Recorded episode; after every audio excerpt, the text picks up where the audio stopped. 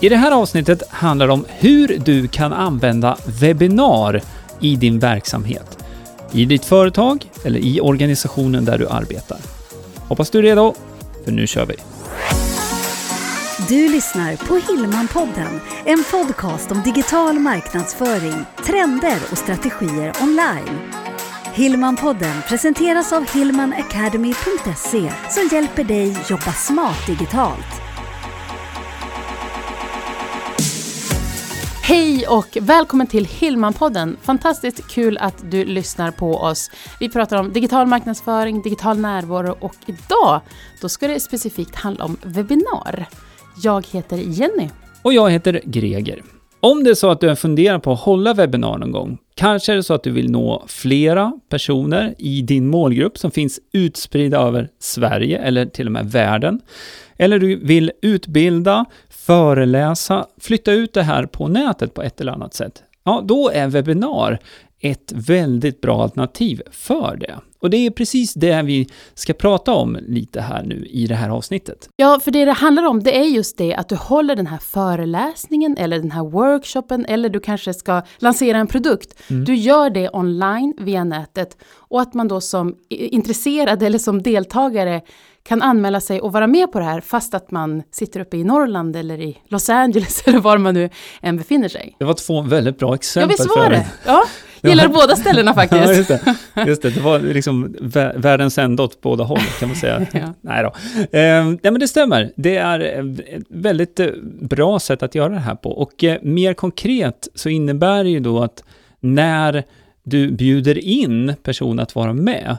Så de loggar in i det som kallas för ett webbinarrum.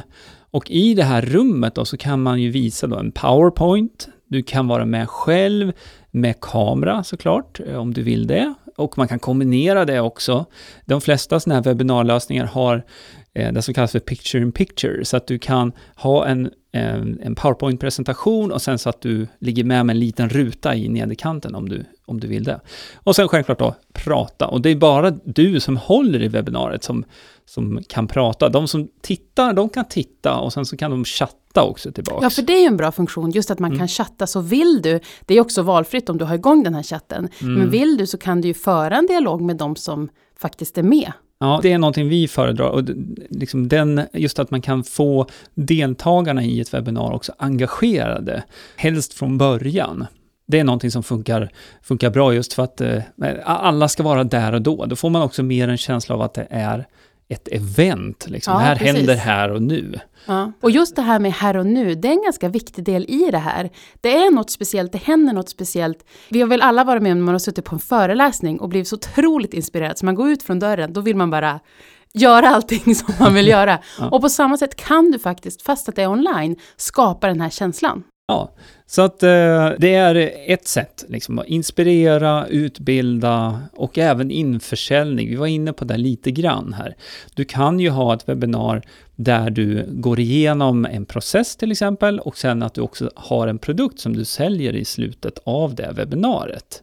Men det kan ju också vara så att det är en produktdemo, så att det här är någonting som du bjuder in till Kanske du har en massa återförsäljare som eh, du bjuder in till ett webbinar och alla sitter och är med och du går igenom en ny produkt.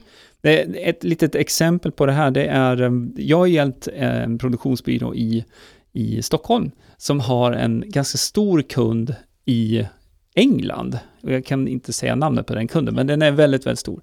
Och um, i det fallet då, det här visar också på flexibiliteten med ett sådant här webbinarsystem att um, i det fallet så skötte jag all teknik och produktionsbolaget satt med uppe i, från Stockholm då och, eh, och pratade en del inledningsvis innan vi lämnade över då till England där de då gick igenom den här nya produkten och presenterade den på, på eh, både via PowerPoint och sen som med kamera.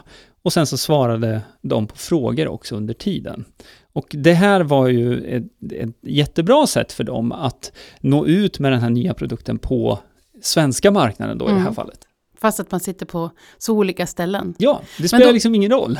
Allt är på nätet. Så Nej, och det är det precis som du säger, flexibiliteten. Ja. Att allt från, för det här är ju ändå ganska ett, ett stort webbinar, eller liksom ett stor tanke Ja. kring hela processen. Men du kan ju också skala ner det. För det vet jag att en av invändningarna är ju ofta att, ja men jag kan ju inte hålla ett webbinar själv. Nej, just det, och den här rädslan för tekniken Ja. och den biten. Då handlar det mer om att man ska välja ett eh, webbinarsystem, alltså ett program som eh, funkar bra, som är stabilt. För det finns otroligt många leverantörer på marknaden just med sådana här webbinarlösningar. Mm. Så då handlar det lite mera, lite mer om det. Mm. Och som alltid så är det väl, det är klart att det kommer vara lite ner, nervöst första gången kanske. Eller andra eller tredje. Men eh, Det är bara egentligen, för att komma över den tröskeln, så är det ju bäst att man kan ju öva på det här också. Och eh, då kan man ju bjuda in några Lite vänner, kompisar, ja, några kompisar som får sitta med när man ska liksom bekanta sig med programvaran och tekniken. Och Sådär. framförallt kunna prova då de här olika funktionerna. Ja. Hur använder jag chatten? För till exempel när man använder chatten så kan du ju låsa en fråga, om vi säger att någon ställer en fråga, Mm. så kan du låsa den så att den syns tydligt i chatten för alla som tittar. Ja, då läggs det upp. Det här ser lite olika ut beroende på vilken programlösning man har, men de flesta har det nu så att man kan liksom lyfta upp en kommentar så att alla ska kunna se den. För en grej jag också gillar, det är ju sen när man avslutar ett webbinar så har du också möjlighet att direkt leda till en landningssida eller till din hemsida. Ja. Så man liksom kan stanna i din tunnel. Ja, precis. Så är det så att du har den typen av webbinar där du, där du presenterar en produkt eller en tjänst som du också säljer in på webbinariet, eller du vill att alla som tittar på det här, de ska sen titta på din hemsida på just den här produkten. Då kan man skicka personerna vidare. När du avslutar webbinariet, så, så det som kallas för en redirect, så skickas alla vidare till just den sidan på din hemsida. Så inte, kanske inte startsidan, utan mera in på just den produktsidan. Mm. Så det är, det är också ett sätt att liksom styra vidare. Nu är vi ju inne på vad som kan hända på själva webbinariet. Mm. Men en förutsättning för att man ska få vara med på ett webbinar som Mm. deltagare, Ja. det är ju att man lämnar namn och e-postadress. Ja, det är ju en typ av landningssida man använder sig av, där Mm. man får registrera sig då, till när du ska hålla i webbinariet. Ja, och då blir ju fördelen för dig att du samlar, du bygger ju din e-postlista här med människor, personer som är intresserade av det du gör och i, i längden så betyder det att du kan ju nå dem igen. Ja, det är ju, det kallas för lead generation. Man kan ju se det som hålla webbinar för att just få in flera leads också. Och eh, uppföljningen här, det skulle ju kunna vara då en e-postsekvens som, som man skickar ut då över tid sen i efterhand för att följa upp. Ja, Och det går till och med, om man nu får, jag ska gräva lite djupare bara, inte så mycket, det, men gör det. lite djupare. Så går det ju faktiskt att segmentera ut också. För att när du bjuder in till ett webbinar, av, låt säga att du har 100 personer som anmäler sig till det här webbinariet, så kommer inte alla att komma och vara med live, Nej. även om du vill det. Så, så har du kanske 50% eller 50-60% någonting, så är det väldigt bra. Det betyder ju att det är ju i runda slängar då 40-50 personer som inte har sett webbinariet. men som ändå är intresserade. Ja, och då finns det ju olika, det är ju också inbyggt i de här systemen så att du kan följa upp då, skicka en inspelning i efterhand så att de kan titta i efterhand. Eller ja, när du ska göra de här e-postutskicken så kan du ha ett meddelande till de som såg webbinariet och ett till de som inte såg webbinariet. Ja, jag vet, nu, nu börjar jag gräva lite djupare i, i strategi här, men det kan vara bra liksom att försöka få den här bilden över hur möjligheterna ser ut. Ja, men det du gräver i nu Mm. och strategin, det är just det som det egentligen gäller på ganska många områden när det gäller just att, att vara digital, att du behöver många kontaktpunkter. Ja. Så även om du håller ett bra webbinar, må hända att det är en workshop eller en produktlansering eller visning, så, så kanske det inte räcker med just det tillfället. Och då Nej. är ju follow-up-sekvensen oerhört viktig. Ja, det finns ju, och follow-up, nu pratar vi om e-post. Mm. Det finns ju möjlighet till och med att samla in eh, telefonnummer om, om det är någonting som, som målgruppen är van vid att lämna. Ja, liksom. precis. Och då kan du ju till och med följa upp via telefon i efterhand. Mm. Sådär. Och eh, ja, som sagt, det finns ju flera möjligheter här också. Man kan självklart då göra skärmdelning likt en PowerPoint, när man delar en PowerPoint på sin dator och man kopplar den till någon typ av projektor. På liknande sätt så kan du dela din skärm eh, med alla deltagare. Du kan också slå igång en som en whiteboard, så du kan faktiskt sitta och rita Mm, eh, direkt på... Du brukar rita jättefult. Ja, men det är så, ja, jag kan väl säga så här att det där verktyget är ju, även om det... det Skyll inte på verktyget. Nej, det är, det är skit bakom spakarna.